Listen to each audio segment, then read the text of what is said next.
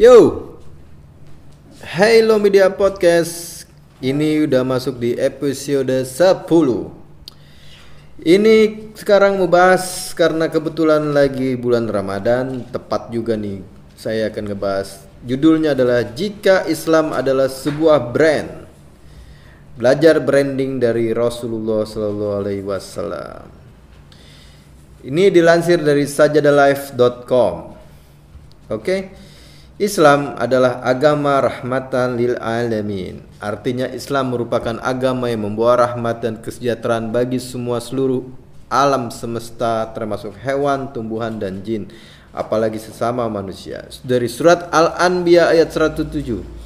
Wa ma arsalnaka illa rahmatan lil alamin. Dan tiadalah kami mengutus kamu melainkan untuk menjadi rahmat bagi semesta alam. Oke? Okay? Brand, apakah brand itu? Berikut penjabarannya sederhana ini. Anda sendiri adalah salah satu dari brand. Karena Anda adalah sebuah brand, maka nama adalah merek, wajah Anda adalah logo, pakaian dan aksesoris Anda adalah desain, perkataan Anda adalah marketing dan PR, sikap Anda adalah corporate culture, respon Anda adalah customer service, kepedulian Anda adalah CSR, janji Anda adalah tagline, hasil kerja Anda adalah produk.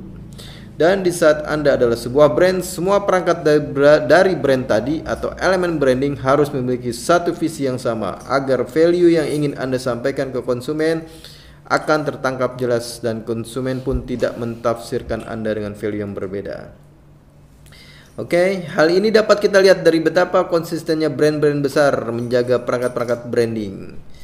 Seperti contoh Apple, brand Apple dengan value think different pegadaian dengan value mengatasi masalah tanpa masalah dan sebagainya. Kemudian dalam branding politik, dapatkah Anda menjawab pertanyaan ini? Siapa penyandang tagline pemimpin besar revolusi? Soekarno, Bapak Pembangunan Soeharto, lokomotif reformasi siapa dong?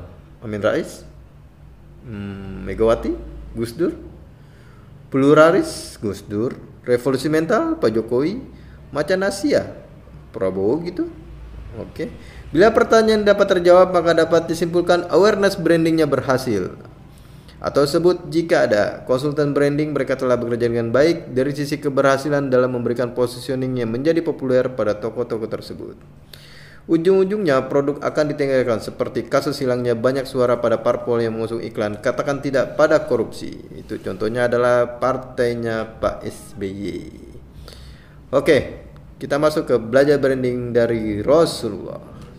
Satu, personal branding. Rasulullah SAW memiliki banyak gelar, salah satunya gelar Al-Amin atau terpercaya. Oke, okay.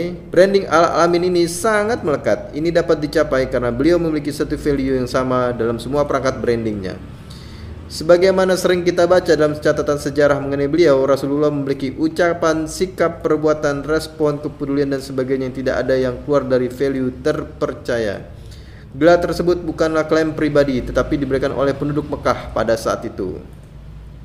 Personal brand yang sangat kuat tersebut didapat karena adanya satu kesamaan visi antara hati, lisan, dan perbuatan. Hal ini sejalan dengan ajaran Islam dalam mencapai iman yang sempurna yaitu memenuhi syarat tasyidik bil kolbi dibenarkan oleh hati, ikrar bil lisan diucapkan dengan lisan dan amal bil arkan diwujudkan dalam perbuatan. Itu salah satu personal branding dari Rasulullah SAW yaitu al amin yaitu terpercaya. Dua produk branding Steve Jobs atau Apple adalah eh, Steve Jobs adalah Apple. Bill Gates adalah Microsoft dan lain-lain. Tetapi apakah mereka juga pengguna fan fanatik atas semua produk-produk mereka melebihi para konsumennya? Hmm, mungkin tidak. Dan apakah mereka bisa menjawab seluruh pertanyaan hingga yang terkecil tentang produk mereka tanpa bantuan staf ahli mereka? Pasti lewat bantuan staf ahli. Bisa jadi Steve Jobs menggunakan Microsoft Office. Saat Apple belum memiliki software kantoran yang handal, bisa jadi Bill Gates tidak menggunakan software IE miliknya, tetapi menggunakan Google Chrome yang lebih handal. Jika Al-Quran adalah produk dan Rasulullah adalah personal yang mewakili produk, sebagaimana kita tahu, Rasulullah disebut sebagai Al-Quran berjalan. Rasulullah hafal dan membuat banyak orang ikut menghafalkannya. Rasulullah membaca, membacanya berkali-kali sampai khatam dan membuat orang-orang juga berkali-kali mengkatamkan. Rasulullah mengajarkan semua hal dalam Al-Quran, mulai dari cara membacanya, melakukannya, menjelaskan isi kandungannya, memberitahu manfaatnya, dan membuat banyak orang melakukan hal tersebut. Bahkan da, segala detik kehidupan Rasulullah adalah penerapan Al-Quran, di mana hanya Rasulullah yang mampu melakukannya. Sehingga segala perkataan, perbuatan, bahkan diamnya Rasulullah menjadi dasar hukum dalam Islam yang kita kenal sebagai hadis. Jika Rasulullah bicara tentang sholat malam, beliaulah yang melakukan sholat malam hingga diriwayatkan kakinya pun bengkak. Saat Rasulullah bicara tentang sedekah, beliau pula yang menjadi orang yang bersedekah paling banyak. Itu menjadi produk branding. Hey, kamu masih dengerin di Low Media Podcast.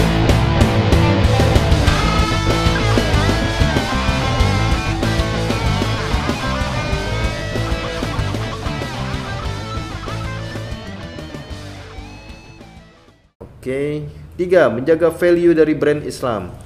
Islam sebagaimana kita yakini pastinya memiliki value yang baik. Jika Islam adalah sebuah brand, maka pendakwa-pendakwa Islam adalah pemegang peranan fungsi marketing dan PR. Maksudnya para ustadz, para ustazah yang sering dakwah. Itu bisa jadi dikatakan pemegang peranan fungsi marketing dan PR. Bila terjadi pergeseran persepsi mengenai Islam yang melenceng dari value Islam yang sesungguhnya, maka saatnya kita koreksi diri dan kembali kepada value dan cara memasarkan dakwah seperti yang diajarkan Rasulullah. Di antara value-value Islam yang kita kenal adalah Islam sebagai agama rahmatan lil alamin, agama yang membawa rahmat untuk alam semesta. Apakah value itu kita itu kini masih dirasakan oleh seluruh manusia? Ya, masih. Termasuk non-muslim? Ya, karena kata alam semesta itu menggambarkan bahwa target audiens dari Arahmat itu adalah untuk seluruh manusia, bahkan alam semesta. Jika seandainya dilakukan survei terhadap seluruh manusia di dunia, baik muslim maupun non-muslim, apakah value itu bisa kita dapat? Nah, jika ternyata hasil survei menyatakan value yang sebaliknya, jangan-jangan para ujung tombak marketing dan PR kita telah keluar dari kaidah pemasaran yang dijalankan Rasulullah. Oke. Okay. Sering atau tidakkah kita mendengar membaca materi dakwah baik di podium khutbah, tulisan media, tayangan televisi, sosial media dan sebagainya yang menebarkan kebencian, fitnah, permusuhan? Ya, padahal bukan pernyataan kebencian, fitnah, permusuhan dari Rasulullah yang menyebabkan Umar bin Khattab, Khalid bin Walid, Abu Sufyan hingga pengemis Yahudi buta dan lain-lain membawa mereka masuk Islam. Betapa doa Rasulullah dibaca Al-Quran yang membuat manusia sekeras Umar bin Khattab tersungkur, menangis minta diantar ke Rasulullah untuk masuk Islam. Betapa kesejukan hati Rasulullah yang membuka mata kaum kafir Mekah untuk berbondong-bondong masuk Islam.